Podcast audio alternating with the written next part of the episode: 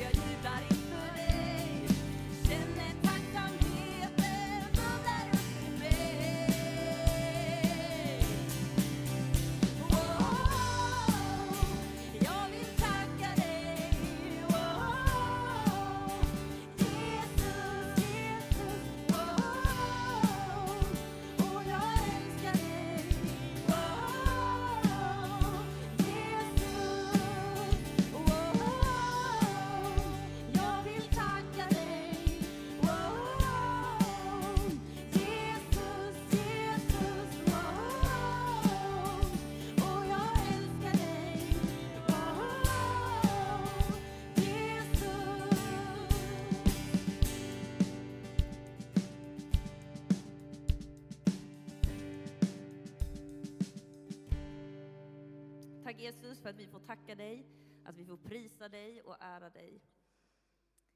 Tack Jesus för att du är helig, att du är mäktig och att du gör under idag. Tack Fader.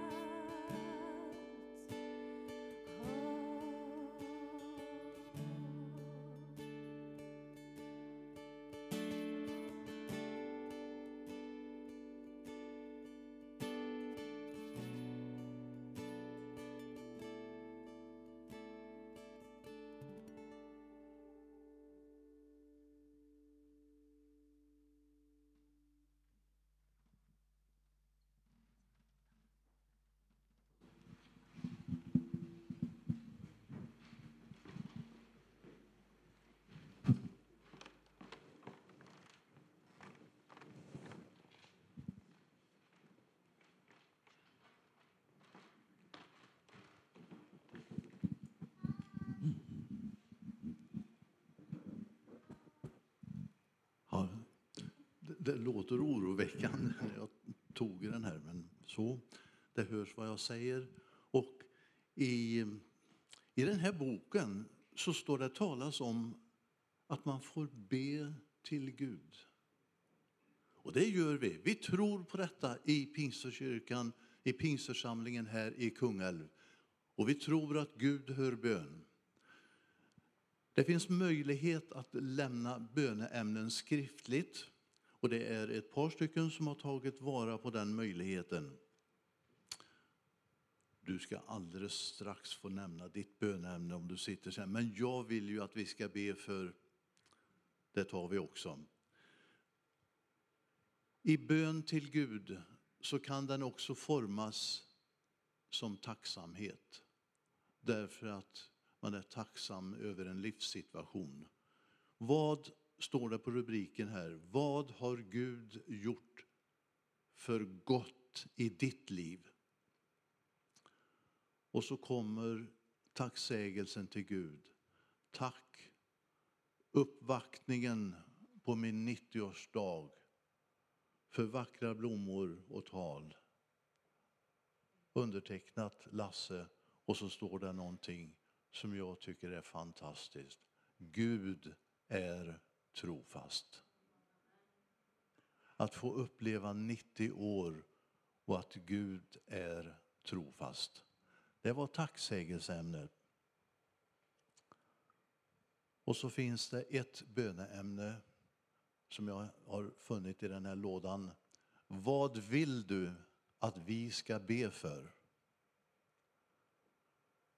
Och så står det skrivet familjer i församlingen.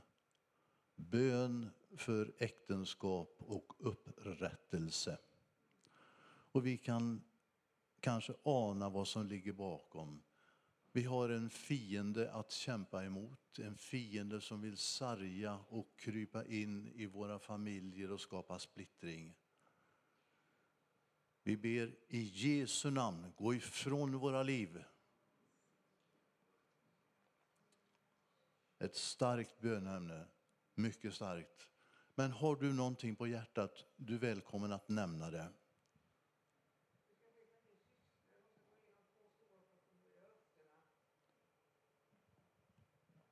Vi ska be för en syster som har gått igenom en operation. Hon ska gå igenom en operation med, med höfterna.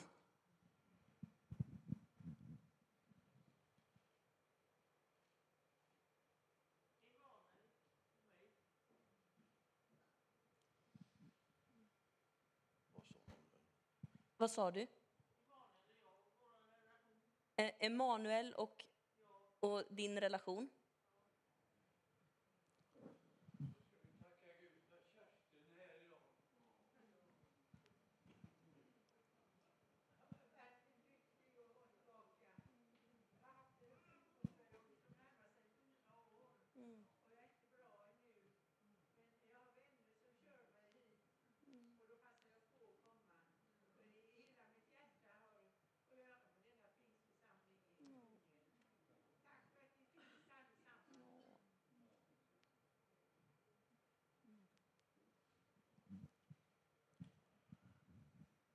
Nu har vi nämnt flera olika saker. Och vi har nämnt dem inför Gud. Han har lyssnat. Och nu ber vi för alla de här sakerna som har kommit fram just nu. Tacksägelse och bönämnen.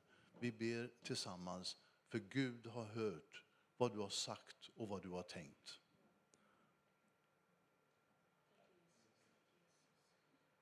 Ja, himmelske far. Tack för att du lyssnar när vi lägger fram det vi har på hjärtat, Herre. Vi vet att du har hört de här bönämnena. Vi vet att du har hört den tacksägelse som finns i tacksamhet. Nu ber vi, Herre, grip in på ditt sätt i de här människornas liv, Herre.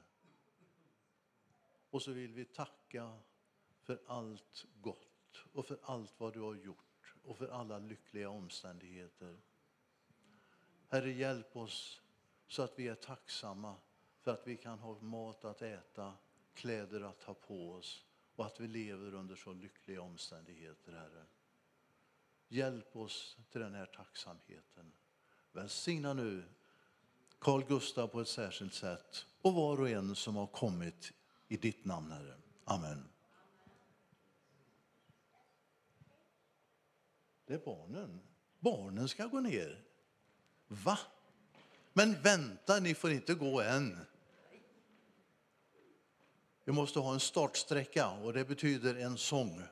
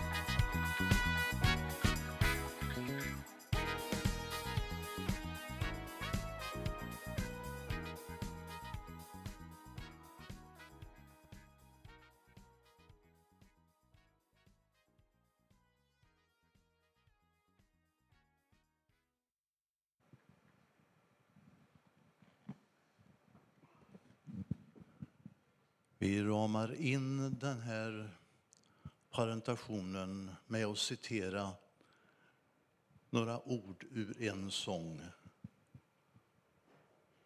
Det Gud är trofast. Ja, det räcker ända in i himmelen. Gud är trofast. Sjung det om och om igen. Idag har vi tänt ett ljus av respekt. Ni är välkomna att stå upp, absolut. Idag har vi tänt ett ljus av respekt, av vördnad och till minne av ett liv som har gått till ända. Stefan Andreasson fick sluta sina dagar här på jorden tisdagen den 21 februari. Och Stefan var född den 14 maj 1963 och blev alltså 59 år. Efter en alfakurs hos Elly Aronsson så kom Stefan att tillhöra pingstförsamlingen i Kungälv i många år. Och han hade ofta sin plats långt fram i kyrkan. Man kunde känna igen Stefan bakifrån och konstatera, jo, Stefan är på plats. Nu är den stolen tom och behöver fyllas av någon annan.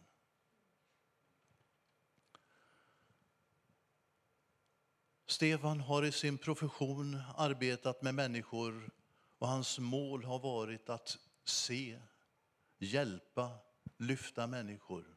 Och på det sättet har Stefan fått bekanta över hela världen som också har hört av sig efter Stefans bortgång, eller hemgång som vi säger.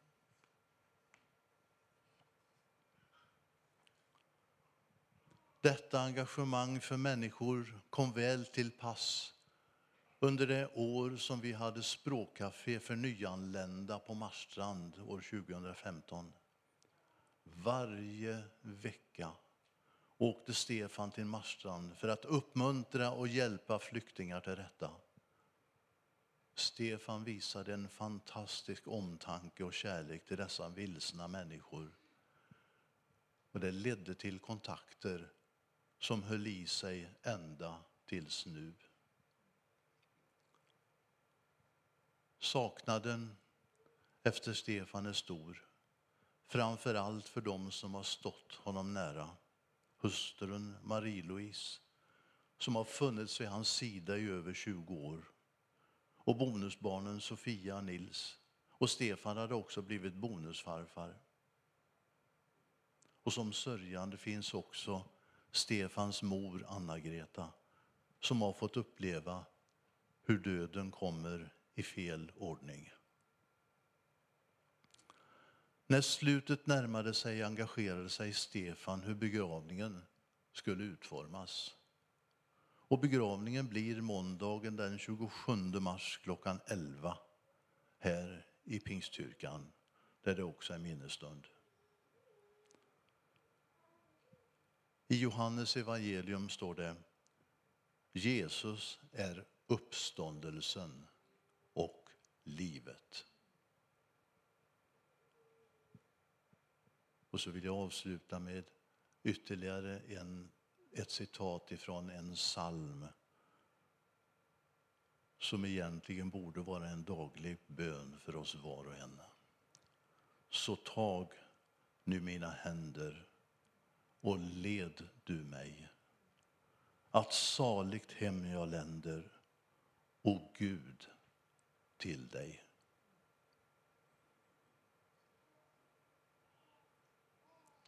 Ja, himmelske far, vi tackar för vad Stefan har betytt för oss.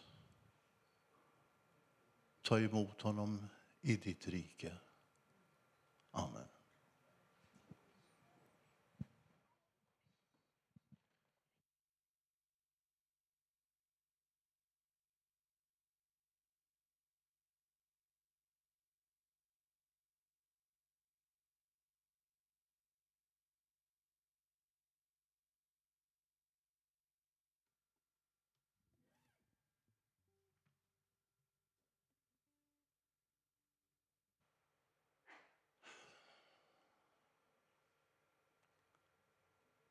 Det går ju åt pengar i en sån här församling också. Nu tar vi upp en liten kollekt, eller en stor kollekt. Det känns lite jobbigt att prata om det här med samma efter den här stunden vi haft. Men pengar behövs för att vi ska kunna fortsätta att samlas på det här sättet. En varm kyrka, en ljus kyrka och så vidare. Nu är du välkommen att ge din gåva till församlingen.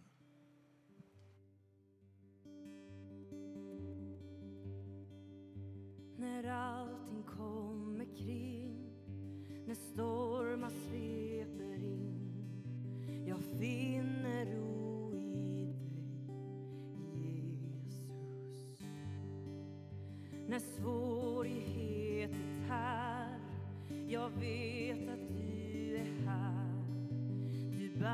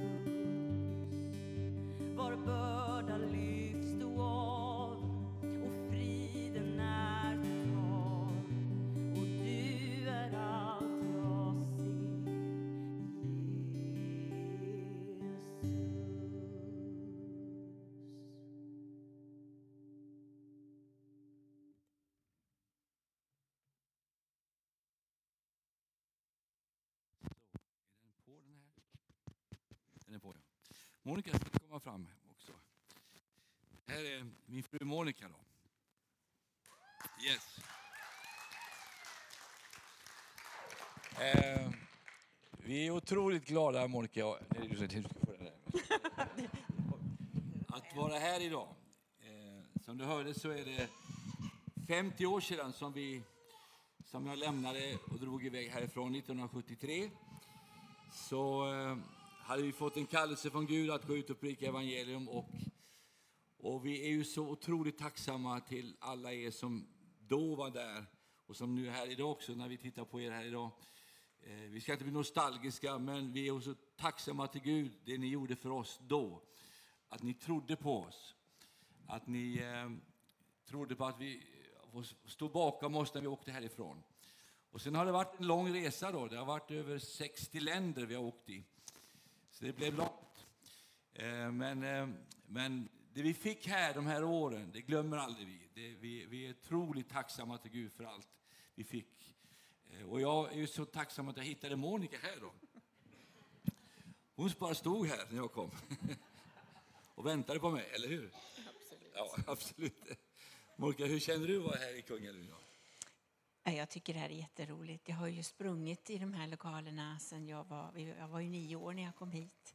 Jag har varit nere och tittat i källaren. Jag har gått runt i alla rummen bara för att känna igen och också få den här tacksamheten. Det var i de här lokalerna jag blev andedöpt. Det var i de här lokalerna jag döptes. Det var i de här lokalerna vi gifte oss. Det finns mycket glädje för mig i de här lokalerna. Det finns sorg, pappa begravdes här. Det finns, men det finns otroligt mycket härliga andliga upplevelser. Bibelstudierna med Lennart, vi, han tränade oss ungdomar här. Men när jag kom in här i lokalen så är det lätt det här liksom nostalgin. Ja, tänk, nu är vi här. Mhm. Då bara sa Gud till mig så här. Min nåd är ny varje morgon. Och jag slog faktiskt upp i, det ska bli han som predikar. Jag ska, ingen fara. Det vet vi ingenting om. Ehm, Det står så här i Klagovisorna 3 och 22. Det är Herrens nåd att inte ute med oss, att det inte är slut med hans barmhärtighet. Den är ny varje morgon. Stor är din trofasthet. Vi kan vara tacksamma för det vi har upplevt och vi kan vara jättetacksamma när vi påminns om vad Gud har gjort, som jag blir när jag kommer hit. Men Gud han är ny, har ny nåd varje morgon. Han har nya saker vi får uppleva, mera saker vi kan få, mera segrar vi kan få erövra. Och det är fantastiskt att vara tacksam bakåt men se med spänning framåt. Varsågod. Men du, du måste ju... Ja, Tommy, det är så bra det här så du kan fortsätta. Jag kan sätta mig. Men vi måste säga en hälsning från din mamma också, Siv. Ja, mamma hon eh, fyller 96 nu om några veckor. Eh, och vi pratade vid och vi facetimade igår och visade runt. Vi träffade en del vänner. Och hon är så enormt tacksam för alla de gånger som hon har varit här i kyrkan och stått här framme och sjungit och vi har varit med i kören och alla möten, vad heter det, samlingar man har gjort på alla fängelser tillsammans med Carl Johan som åkte runt mycket då. Alla de här upplevelserna som har varit här och tacksam för alla vänner som fanns här nere och som finns kvar. Så hon hälsar så jättemycket. Hur gammal är hon? Ja, hon blir 96, 96, ja. nu. Under pandemin nu så var hon utanför och städade hemma i församlingen på parkeringsplatsen varje dag i ett och ett halvt år. Hon tyckte det var smutsigt så hon skulle Det städa blå, upp. blåste skräp. Där blåste skräp, så hon var där med sin rullator och städade varje dag. Mm. Hon hjälpte till i bibelskolan till hon var ett par år sedan, när hon var 94 år. Men sen tyckte hon att ungdomarna la osten på fel ställe, så hon slutade då. Men hon har varit med och tjänat Gud hela sitt liv. Och jag, vi är bara så tacksamma för, för siven, som vi säger. Eh, Och Monica och jag, vi har fått fem barn. Och vi har 14 barnbarn faktiskt nu. Ja, det är helt otroligt. Fick en i förra veckan till då, en liten Edvin. Så vi ska hem och titta på honom nu här på, imorgon. Tror jag det blir. Vi får se honom, ja. Så eh, tack för att ni finns och tack att ni fått vara med då, några år här i församlingen. Nu kan du få sätta dig om du vill. Ja, jag varit på väg flera gånger. Ja. Så eh, det är otroligt härligt. Och, eh, eh vi, är, som, vi är pensionärer också nu då, eh, på pappret, men vi kände att Gud, Gud pensionerar oss inte då. Utan han sa fortsätt. Eh, jag hade nog tänkt att trappa ner då, liksom, eh, ja, gå ner i varv som vi, som vi säger och, och bli liksom, ja, du vet, man bara tänker så här. Så jag tog ut min pension och, och eh, men så satt jag på TV4 och tittade en morgon på Godmorgon, Godmorgon Sverige eller vad det heter och så sitter Sebastian Staxet där i soffan och berättar om att han, de sa du har ju hatat alla och nu vad är det som har hänt? Jo, jag har mött Jesus, sa han. Och när han sa det då gick det som en kall kår genom hela ryggen. Och så kände jag bara att jag skulle vilja träffa honom. Och så ringde han mig efter två veckor. Och vi hade aldrig träffats. Och, eh, och så sa han det att eh, kunde komma hem och vi satt och pratade. Och, och eh, så frågade han om jag kunde bli hans mentor och hjälpa honom och, och finnas med lite grann. Så ja, jag kan väl hjälpa till lite grann, så jag. Och så fick han bara, så sa han så här, och du förstår, vi ska köpa ett tält, sa han, ett stort tält för 4 000 sittplatser. Det har aldrig funnits tältmöten i kristenhetens historia förut, sa han. Jo, det har det, sa jag. Det, ganska mycket innan du kom till Trosa har vi hållit på mycket med tältmöten. Så, ehm, men vi köpte ett tält då och eh, Gud gav oss pengar så vi kunde köpa det tältet på en vecka. Vi fick 4 000 stolar som vi fick också. Och sen så nu har vi haft de här tältmötena Eh, och det har varit fantastiskt att åka runt i Sverige. Och vi, nu, sen kom pandemin så vi fick stoppa då. Men nu hade vi vår första evangeliska kampanj i den stad där man skjuter mest människor ihjäl varje dag. Det är Eskilstuna. Eh, Där hade vi en kampanj, över 300 ungdomar tog emot Jesus den helgen. Det, det, det, det är sånt där som man bara blir så glad för. Att det sker så mycket underbart nu. Så vi, vi känner att vi vill ge våra liv nu till att, att, att nå de här gängen Eh, med evangeliet, att, att hjälpa ungdomar. Eh, Monica och vi är med på alla läger eh, som vi kan på sommaren och på, sportlov. Och, för vi vill ge, det som är viktigt nu är att ungdomarna får möta Gud och, och att vi får vara med och föra över till nästa generation. Det är det som vi känner, det brinner i våra hjärtan. Och, eh, så är vi mycket engagerade också i Ukraina.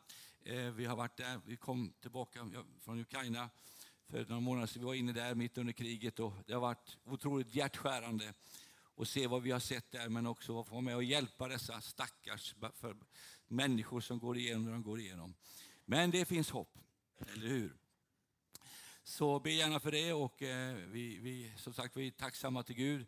Nu och, har vi varit i, på en liten resa. Jag var i Vietnam förra veckan, i Indien innan och så var vi i Ryssland en dag, några dagar och så nu ska vi åka till Polen på tisdag. Så det, vi, vi, är, vi är ganska engagerade med allt möjligt här. Då. Men det, är- det, är- det är härligt. Så, eh, och sen har jag min äldsta vän i livet här, det är min bror Rolf. Stå upp. Han är här idag. Han är min hedersgäst här idag. Han bor i Kareby. Eh, jag är så glad för honom. Han är min äldsta vän som jag har i livet, min bästa vän också. Så vi talar varje vecka med varandra på telefon och det är så underbart att och, och fått lära känna honom. Han är en verkligen sann vän som är fantastisk att ha tillsammans med. Jag blir så glad när jag ser det, bara börjar gråta nästan. Härligt.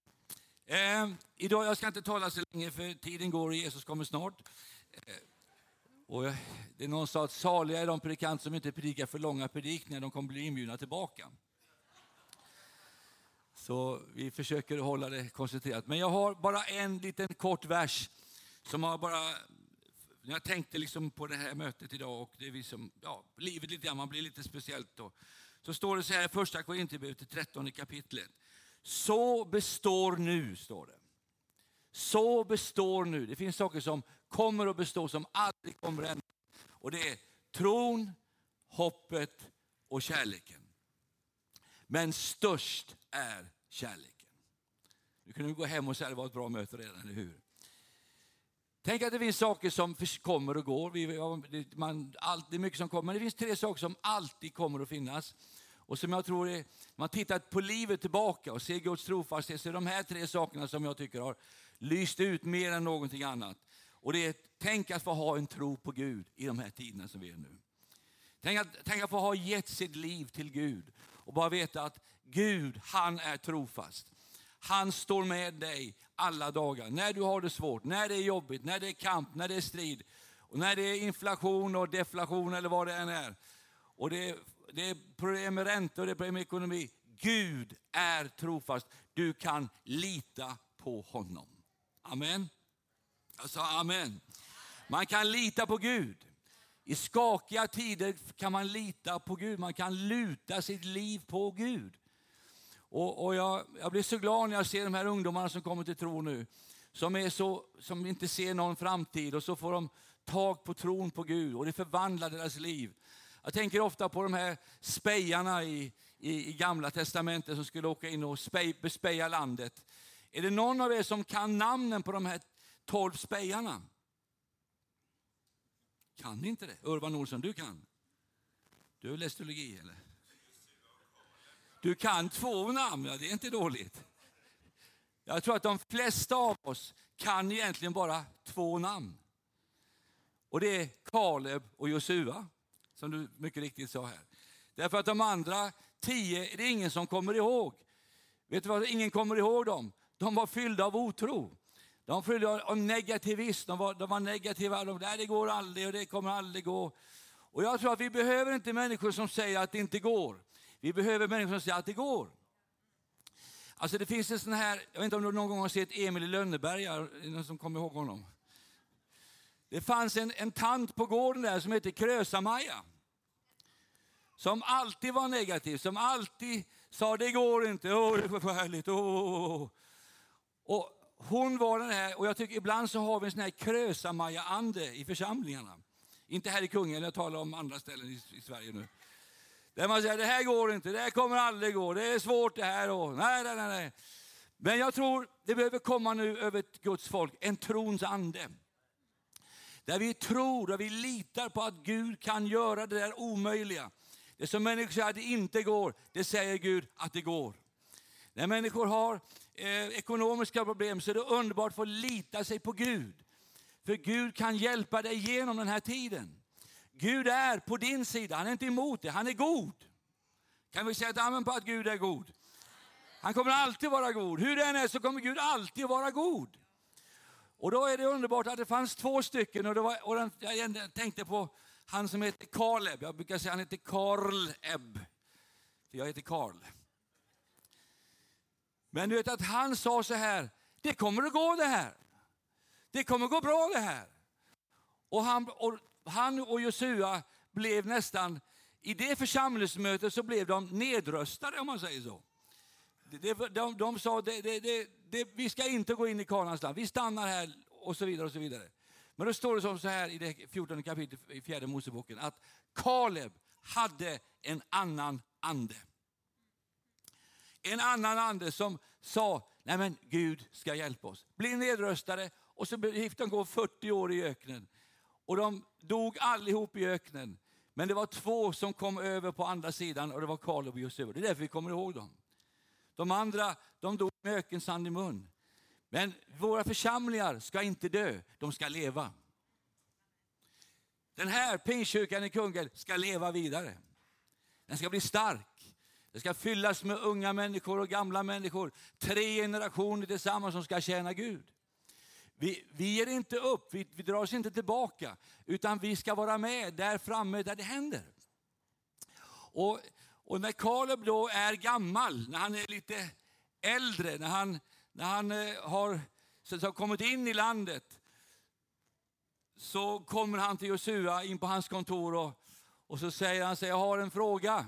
Vad har du för fråga? Ja, han skulle kunna sagt så här, ja, jag är 85 år nu, jag vill ha färdtjänst. Och jag vill ha lite hjälp med det och det. Lite, och det var inget, hade inte varit fel att säga det.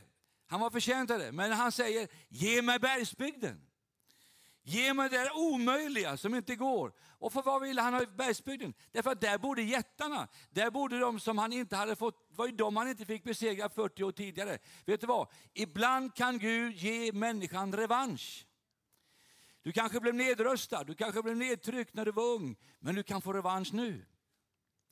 Jag tror att det finns så mycket mer för oss att uppleva i den helige Ande. Jag tror att det finns mer upplevelse av, av trons liv. Det är som en kärnkraftsreaktor som vi har i våra församlingar. När det blir otro, då, då faller det. Men när det blir tro, framtidshopp, då går det igenom.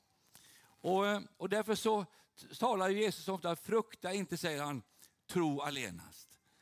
Eh, att lita på Gud när allt ser omöjligt ut, att få tag på ett Guds ord, ett löfte i Bibeln, det är så fantastiskt. Att få omfamna Guds ord. Så tron, den kommer att bestå. För det andra så står det att hoppet, säg hopp. Och det, vi har det som tecken på den här kampanjen vi har i Sverige nu, vi åker till olika städer. Det står, det finns. Jag älskar det här ordet hopp. Det står så här i Jeremia 29 kapitel, vers 11. Jag har tankar för er, säger Herren. Vet du att Gud tänker på dig? Gud har tankar om ditt liv för att ge dig vad då? En framtid och ett hopp. Jag vill bara säga det till dig, du som kämpar här idag. Det finns hopp för dig. Du som går igenom en tuff tid, det finns hopp i din svåra tid. Eh, du som kämpar med, med, med kanske en sjukdom, det finns hopp. Det, det finns en Gud som kan göra under.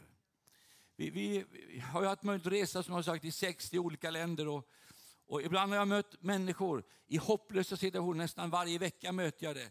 Människor som har förlorat hoppet. Men tänk att vara med och predika hopp. Abraham vet du, han var ju 70 år gammal när, när han fick löftet från Gud, när Gud tog dem ut ur tältet och, och sa eh, titta upp mot himlen. Och så tittade han upp mot himlen och sa kan du räkna stjärnorna? Nej. Så många barn ska du få. Och då var Sara 60 och han var 70. Det är en omöjlig situation. Det går inte att få ett barn när man är i de åldrarna. Det är helt omöjligt. Men då säger Gud, titta. Och han tittade mot stjärnorna och så fylldes han med hopp. Så fylldes han med framtidstro. Och så tittade han på Sara, nej det går inte det här. Så tittar han på sig själv, det går, nej. Så tittar han på stjärnan, jo det går, nej. Ibland måste man välja att titta på stjärnorna. Ibland måste man välja löftena, man måste välja det Gud säger istället för det omständigheter som säger det här och det här.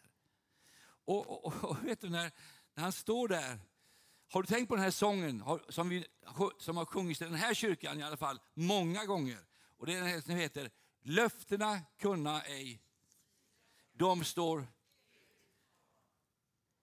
Jesus med beseglat allt vad han lovat har. Gör så som gjorde. Blicka mot upp. Medan du räknar växer din tro och ditt hopp. Oh, där är det. Det satt där, där satt den. Det vill säga han predikade hopp. Han predikade framtid. Gud hade tro på att ja, men det kommer att gå det här. Det är inte omöjligt det här. Det finns hopp Abraham. Och att problemet var ju bara att han blev ju inte yngre, han blev äldre. Och så gick åren, år efter år. Och till slut så kommer Gud tillbaka 30 år efter i tiden. Och då, då skulle ju egentligen allt hopp, men det står i Bibeln, Romarbrevet så här, när allt hopp var ute hoppades han ändå. Det är sådana människor vi behöver nu i Kristi kropp. När allt hopp, så hopp, ja, vi hoppas i alla fall. Ja, men du kan ju inte vara så positiv. Jo, Gud är positiv. Gud kan göra under. Så jag hoppas ändå, jag har inte gett upp. Vi, vi, tror att, vi tror på Gud. Och så kommer då Gud in där. Sara står och, och lagar makrill eller något sånt där. Fint. Och håller på och lägger in sillen och, och grejer där. Så kommer Gud på besök. Och så säger han så här. Nästa år Abraham, då var Abraham 100 år, ska du få en son. Och Sara hörde det. Och då står det att Sara log. Du vet hur kvinnor är när de inte tror. Det låter som, käre Gud, nej det kommer ju aldrig gå. Där. Vad- Jag, jag, titta vem jag är, jag är 90 år. Jag kommer ihåg, jag var ju pastor efter jag flyttade ett från Kungälv då, så flyttade vi sen till Stockholm, Södermalmskyrkan, när jag var andra pastor här. Eh, och blev arbetare med Bror Spets. Och efter några år så gick hans fru hem till Herren. Och efter några månader så fick jag bara ett ord till honom och sa, bror, du kommer att träffa en ny fru. Sa jag. Aldrig i livet. sa. Det kommer inte att ske, sa bror. Så ringde han efter tre månader och sa, ja nu har det hänt, sa. Vad är det som har hänt? Jo, jag har träffat en, en sån. Och vi ska gifta oss den 7 maj. Vem är det? Så? Det säger jag inte, så. Va? Jag har jobbat för dig i 11 år, så kan du inte säga att du ska gifta Nej, det är en hemlighet. Du får se när vi kommer in i kyrkan, sa han. Så gör man inte, så. Jo, så gör man, så. Men så hade jag räknat ut vem det var då. Eller min fru hade gjort det. Sorry. Hon, hon heter Inga-Lill, så jag frågade, är det Inga-Lill du har träffat? sa jag. Nej, ljuger du nu? Ja, sa hon. Det var ungefär så där som, som Abraham gjorde, som Sara gjorde. Hon, hon vågade inte säga sanningen, men Gud hade omsorg om henne. För det stod att genom tron fick Sara kraft att föda fast hon var överårig, står det. Det vill säga, hon fick hopp för att det fanns ett hopp, de skulle få en son. Ett år senare så hör man ett skrik i tältet i öknen och ut kommer en stolt pappa, 101 år gammal och bär på en liten son som heter Isak. Och jag kan höra skrattet från hans hjärta. Ha, ha, ha, ha. Vet du, jag vill säga till dig, hoppet får alltid det sista skrattet. Folk kan säga och, och le åt dig, du, du, du, du ska bara tro på Gud och lita på Gud. Men vet du vad, det håller att lita på Gud. Och jag har sagt det många gånger, jag säger det än en gång. Eh, vet du att, vet du att, att hoppet, det är det sista som överger människan. Men att få hoppas på Gud, att få ha ett hopp, det är någonting som jag är väldigt tacksam som kristen. Att vi har hopp för framtiden. Vi behöver inte vara rädda för det som komma skall. Vi litar på Gud. Alltså vi litar på Gud. Och, och när, när alla saker ändras så finns hoppet kvar där. Ingen kan ta hoppet. Och kunde Sara, och hör, lyssna vad jag säger nu. Kunde Sara och Abraham få en son när de var nästan 90 år och 100 år gammal. Då är allting annat möjligt för Gud. Allt annat är möjligt för Gud. Så vad du än kämpar med nu, vet du, kunde de få ett mirakel så kan du ha ett mirakel. Ehm, för ett antal år sedan så var jag i ett land som heter Georgien, det ligger norr om Iran, söder om Ryssland. Och jag hade kom precis ut genom kyrkdörren, eller skulle gå in i kyrkan rättare sagt, så står det en tioårig pojke där. Och, eh, ska jag ta den andra micken kanske? Låter den konstigt? Vi gör så här. Så där. Så, så tittar jag på honom. Då är hans ansikte helt förlamat. Det hänger, halva ansiktet hänger ner. Han är tio år. Vit, blek i, i, i ansiktet. Och min so, yngste son var tio år då, så det, det tog tag i mig något kolossalt. Och så tittade jag på honom och så, så sa pappan, det här är min son. Han har tre dagar kvar att leva. Det finns inget hopp för honom. Han har tumörer i båda njurarna, han har tumör i bukspottkörteln, han har två tumörer, en i varje lunga. Han har några dagar kvar att leva. Vi, vi tog honom från sjukhuset hit. Vi hörde när du predikade om att den, det finns hopp för den som är i den brinnande ugnen. Vi är i den brinnande, vi har spenderat allt vad vi äger och har på sjukhuskostnader. Vi har ingenting kvar, men vi har hoppet kvar. Så. Och jag började gråta, jag tänkte, det finns hopp här. Så vi bad för honom, vi såg ingen förändring, ingenting så. Men så gick, bad de honom tillbaka till taxin upp till sjukhuset igen. Och så hör jag, hör jag bara själv inom mig, jag sa, unge man, sa unge pojke. Nästa gång vi träffas ska vi spela fotboll du och jag. Och han bara nickade så här. Och så åkte han iväg i taxin. Upp till sjukhuset. Jag predikade, åkte hem till Sverige. Glömde bort det här. Ett år senare är jag i samma stad, Tbilisi i Georgien. Går in genom samma dörr så står det en 11-årig pojke med en fotboll under armen. Och så sa han, du, tyvärr det här är en kyrka, vi spelar inte fotboll här inne. Så. Du får vänta. Eh. Så tittade han på mig och så sa du sa till mig att nästa gång vi träffas ska vi spela fotboll. Så. Och då när jag hörde det så, så kan det, är det du? sa jag. Ja, sa pappan, det är han. Tre dagar efteråt han skulle dö, då åkte han hem från sjukhuset. Han har spelat fotboll hela, hela sommaren. Och han undrar om du kunde signera fotbollen. Må Gud förlåta oss, men vi spelade fotboll i kyrkan den söndagen. Ja. Herre får förlåta oss. Men, men det var fantastiskt. Och när vi sen så frågade jag honom, är, är du, jag älskar fotboll, sa han. Jag, jag, jag är så glad. Då. Vilket är ditt favoritlag? Arsenal, sa han. Ja, jag förlåter dig, sa jag. Alla kan ju inte hålla på riktiga lagen. Så frågade hans bror, vilket är ditt favoritlag? Ja, det är ju, det är ju, sa han, eh, det är ju Barcelona. Jag förlåter dig också, sa jag. Men jag lovar er en sak pojkar, nästa gång jag kommer hit så ska jag ha med mig Arsenalkläder och Barcelonakläder. kläder med era namn på. Och vilket nummer ska jag ha? Nummer 10 ska de ha då. Och så åkte jag därifrån och tänkte, vad har jag lovat nu? Men så tänkte jag, ah, jag ska till Kina nästa vecka. Där är allting möjligt. Allt är möjligt i Kina. Så jag sa till pastorn, jag behöver Arsenalkläder och Barcelonakläder. Titta på mig. Ge mig 30 minuter så fixar vi det, sa han. Copyright means i Kina right to copy. Det är liksom, de kan kopiera allt där. Så åkte vi ner tillbaka och jag gav dem kläderna. Vet du, han stod i kyrkan med fotboll under armen. Jag var så glad. Jag tänkte, wow, han, har en, han, han är frisk. Och så sa han, alla tumörerna är borta. Så, så visade han med röntgenplåtarna på alla tumörer som hade suttit på hans kropp.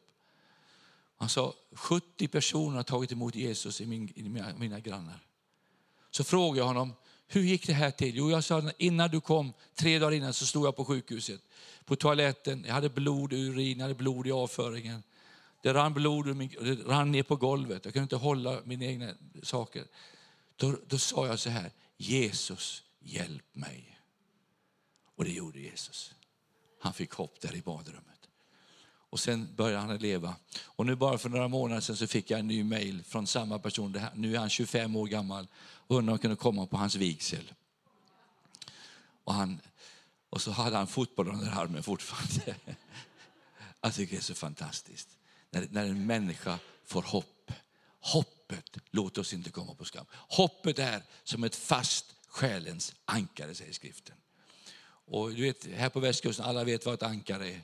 Alla vet att ibland måste man ha ankare. Men vårt ankare ligger inte i sjön, det ligger i himlen. Där kan du sätta ditt hopp här idag. Den sista punkten vill jag bara ge dig också innan jag ska sluta. Och det är störst av allt det här är kärleken.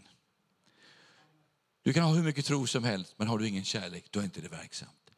Du kan ha alla teorier, men har du inte. Det finns en kärlek som är starkare än någonting annat och det är Guds kärlek. Idag lever vi i en otrolig hatfull värld.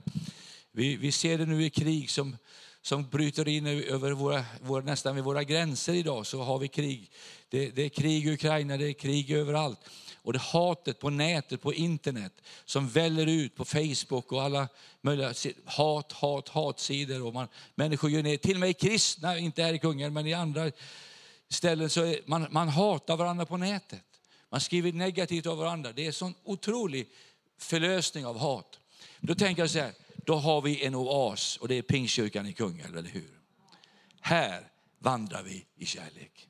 Här älskar vi varandra, här tycker vi om varandra. Och så tror jag att kärleken den är, den är ju starkare än någonting annat. När den, när, den, när den bryter igenom en människas liv så blir, så blir kärleken så fantastisk därför att den, den, den är mer än bara ord, den är handling. Kärleken är, kärleken är tålig och mild står det. Den uthärdar, den tror allting, den hoppas allting. Det är fantastiskt med kärleken.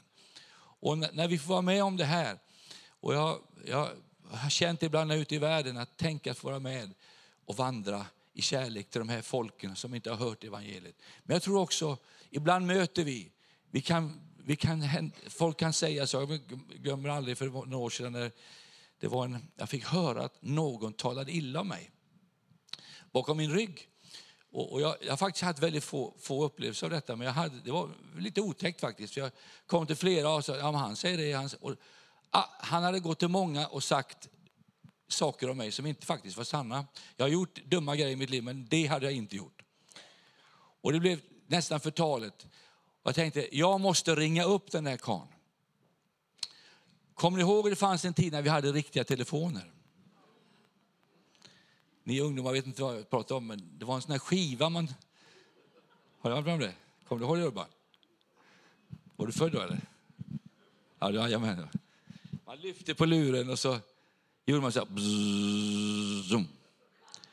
Den här brodern hade 999888, så det tog väldigt lång tid. Det tar ju 20 sekunder nästan på nian innan den gick ner. Liksom. Och under jag står där så hör jag innan mig, bara så där, ring honom inte. Ja men hallå där. Han behöver höra sanningen. Det står i Bibeln, sanningen ska göra oss fria. Ja men inte din sanning, sa han. Så hörde jag innan, innan mig bara, vad har du i frysen?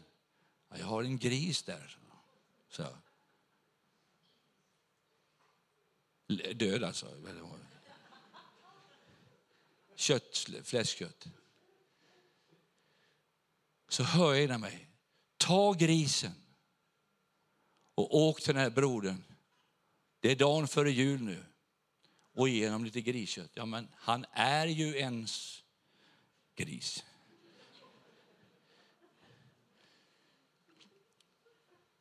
Men jag tog köttet.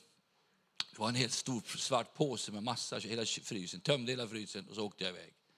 Och han bodde på fjärde våningen. Det var ju så tungt att bära detta. upp till fjärde våningen. Jag bar och jag bar och jag slet och så knackade jag på dörren och så, så stod han så tittade han på mig och sa, vad vill du? sa han. Jag tänkte om du bara visste.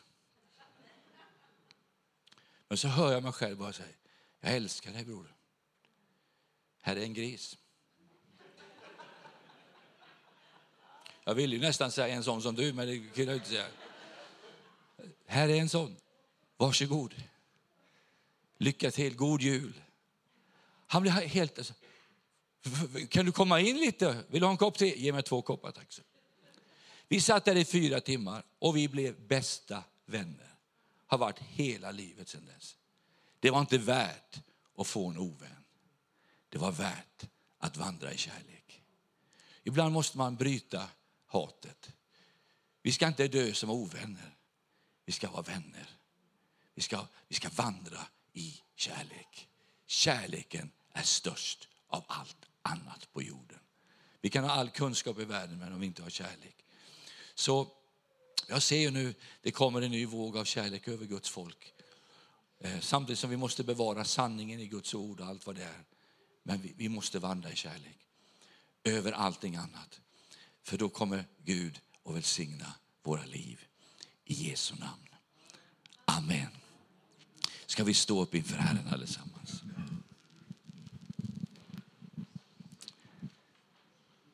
Ska vi lovsången kommer upp här. Ska vi bara böja våra huvuden i bön.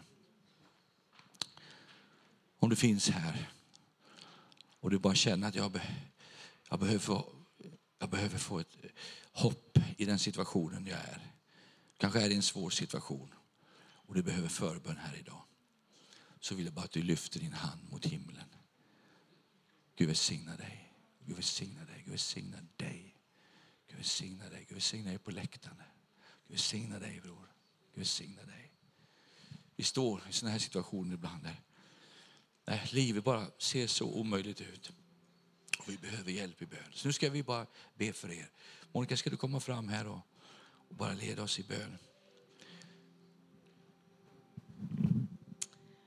Fader, jag tackar dig för den här förmiddagen, Fader. Jag tackar dig att vi har förmånen att få lyfta upp ditt namn, att få tala om dig. Du vår Fader, du vår läkare, du vår försörjare. Du som skänker oss hopp i trösten. Fader, du som möter oss där nöden är som störst. Fader, jag tackar dig att din nåd är varje morgon ny. Jag tackar dig för att din välsignelse är här just nu Fader. Tack att din välsignelse vilar över människorna som söker dig Fader. Vi lyfter upp nu de här speciellt som har räckt upp sin hand och som vill ha hjälp att komma inför din tron Fader. Tack att den platsen är öppen för var och en som säger, ja Herre jag kommer nu.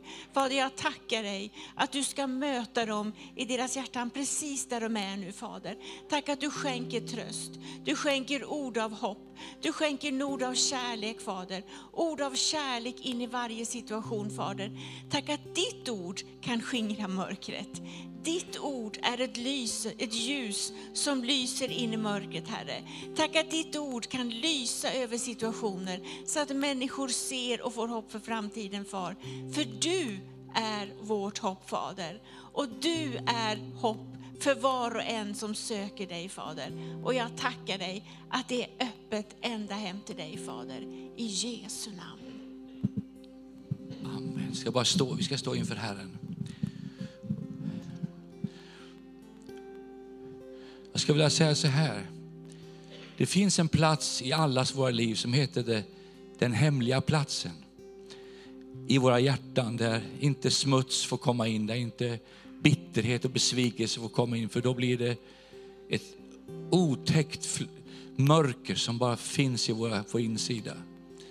Utan där ska det vara rent, det ska vara heligt. Vi har ju det här, vi som har båtar, du som har en båt, du vet att jag har en, en båt hemma och, och jag har någon sak som heter kölsvinet. Det ligger längst ner i båten och där samlas vatten. För jag vet en sak att vattnet utanför båten kan aldrig sänka min båt. Det är bara vattnet inne i båten, det man släpper in, som kan sänka båten. Och då har man en länspump som sitter där som pumpar ut vattnet. Så att kommer det vatten ner där, då pumpas det ut. Och Gud har en sån här system, det är den helige Ande, som kan inte bara pumpa ut det där som är jobbigt, som, är, som har satt sig här inne. Jag bara känner att jag ska säga de här orden för jag tror det är någon som bara kommer uppleva en befrielse här på det här området. Ehm. Jag predikade här hemma en gång i vår församling så kom det en fiskare från Öckerö och sa du ska sluta predika predikningar om fiskebåtar utan att prata med mig först. sa han. Ja, så jag, vad är det som jag missat? Ja, det var ju bra men du ska veta alla metallbåtar på Öckerö som är fiskebåtar sa han. Om vattnet stannar kvar för länge där nere och inte kommer ut så rostar det och då sjunker båten. Och framförallt så luktar det förfärligt. Och så är det med våra liv. Vi måste ha den här pumpen som pumpar ut det som inte ska vara där. Det kommer renhet, det kommer härlighet. Så Jesus, jag bara ber Herre att våra hjärtan ska bevaras rena i den här tiden. Att vi får vara en hög ande över våra liv. Jesus, jag bara tackar dig för att du just nu kommer in till oss, Herre, och rör vid våra hjärtan, Herre. Om det är hårda hjärtan så ber jag, Herre, öppna våra hjärtan. Bryt ny mark i våra hjärtan så att vi har mjuka, förkrossade hjärtan inför dig. Om det har kommit in smuts så rena oss i ditt blod. Om det har kommit in bitterhet och besvikelse så ta bort det i våra liv, Herre. Vi tackar dig för det och vi prisar dig, Herre, att vi får älska från våra hjärtan dig och andra människor. I Jesu namn. Amen. Nu prisar vi Gud tillsammans med de härliga lovsångerna här. Och känner du att du vill gå fram för förbön så finns det förebedjare som kommer stå längst ner här nere och ta emot dig. Eh, det är modiga människor som går fram för förbön. Eh, så låt oss vara modiga. Låt oss, låt oss söka förbön.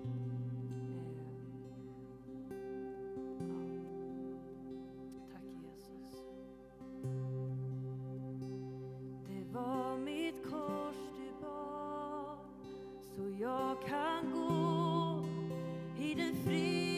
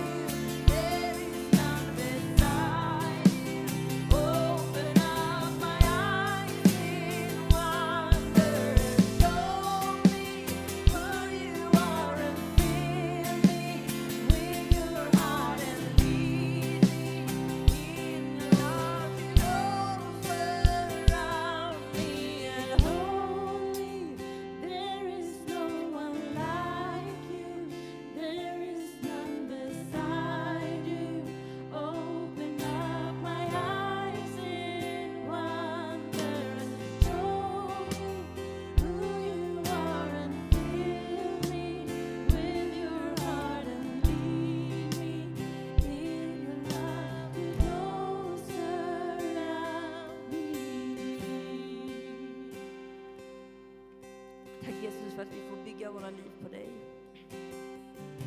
Att du är värd att bygga våra liv på. Tack Jesus att vi får tillhöra dig, att vi får vara dina barn. Herre, vi är beroende av dig. Vi vill ha mer av dig. Tack Jesus för att vi kan få lita på dig i allt. Både när vi känner det och när vi inte känner det. Tack för att du är trofast. Tack Jesus för att du ser oss här inne just nu. Du ser vad vi bär på, du ser vad vi tänker på. Och tack Jesus för att du, du hör oss när vi ber till dig. Du hör när vi kommer med våra suckar och vi inte orkar sätta ord på det vi vill be för. Men tack Jesus för att du är här just nu. Och tack Jesus för att du verkar i oss. Och Jesus, jag bara ber för oss här inne just nu att vi ska våga ta ett steg närmare dig.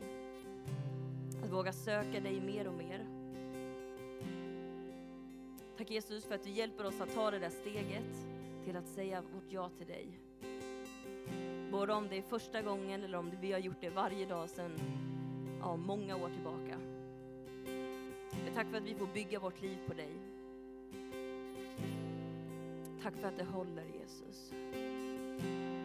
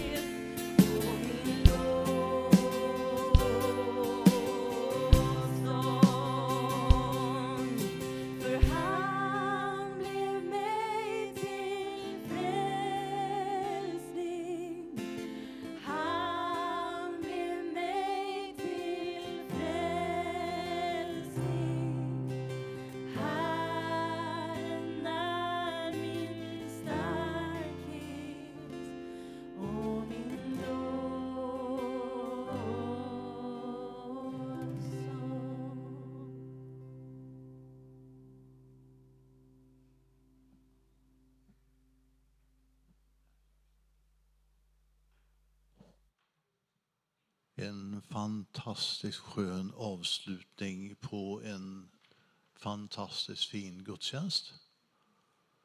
Du vet väl om att Gud älskar dig. Gud välsigne dig och var rädd om dig där ute.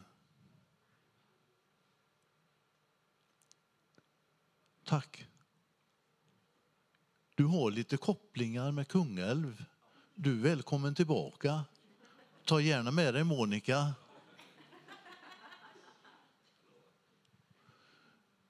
Nu är det dags att dricka kaffe, prata med varandra. Hitta gärna någon ny som du inte har pratat med förut.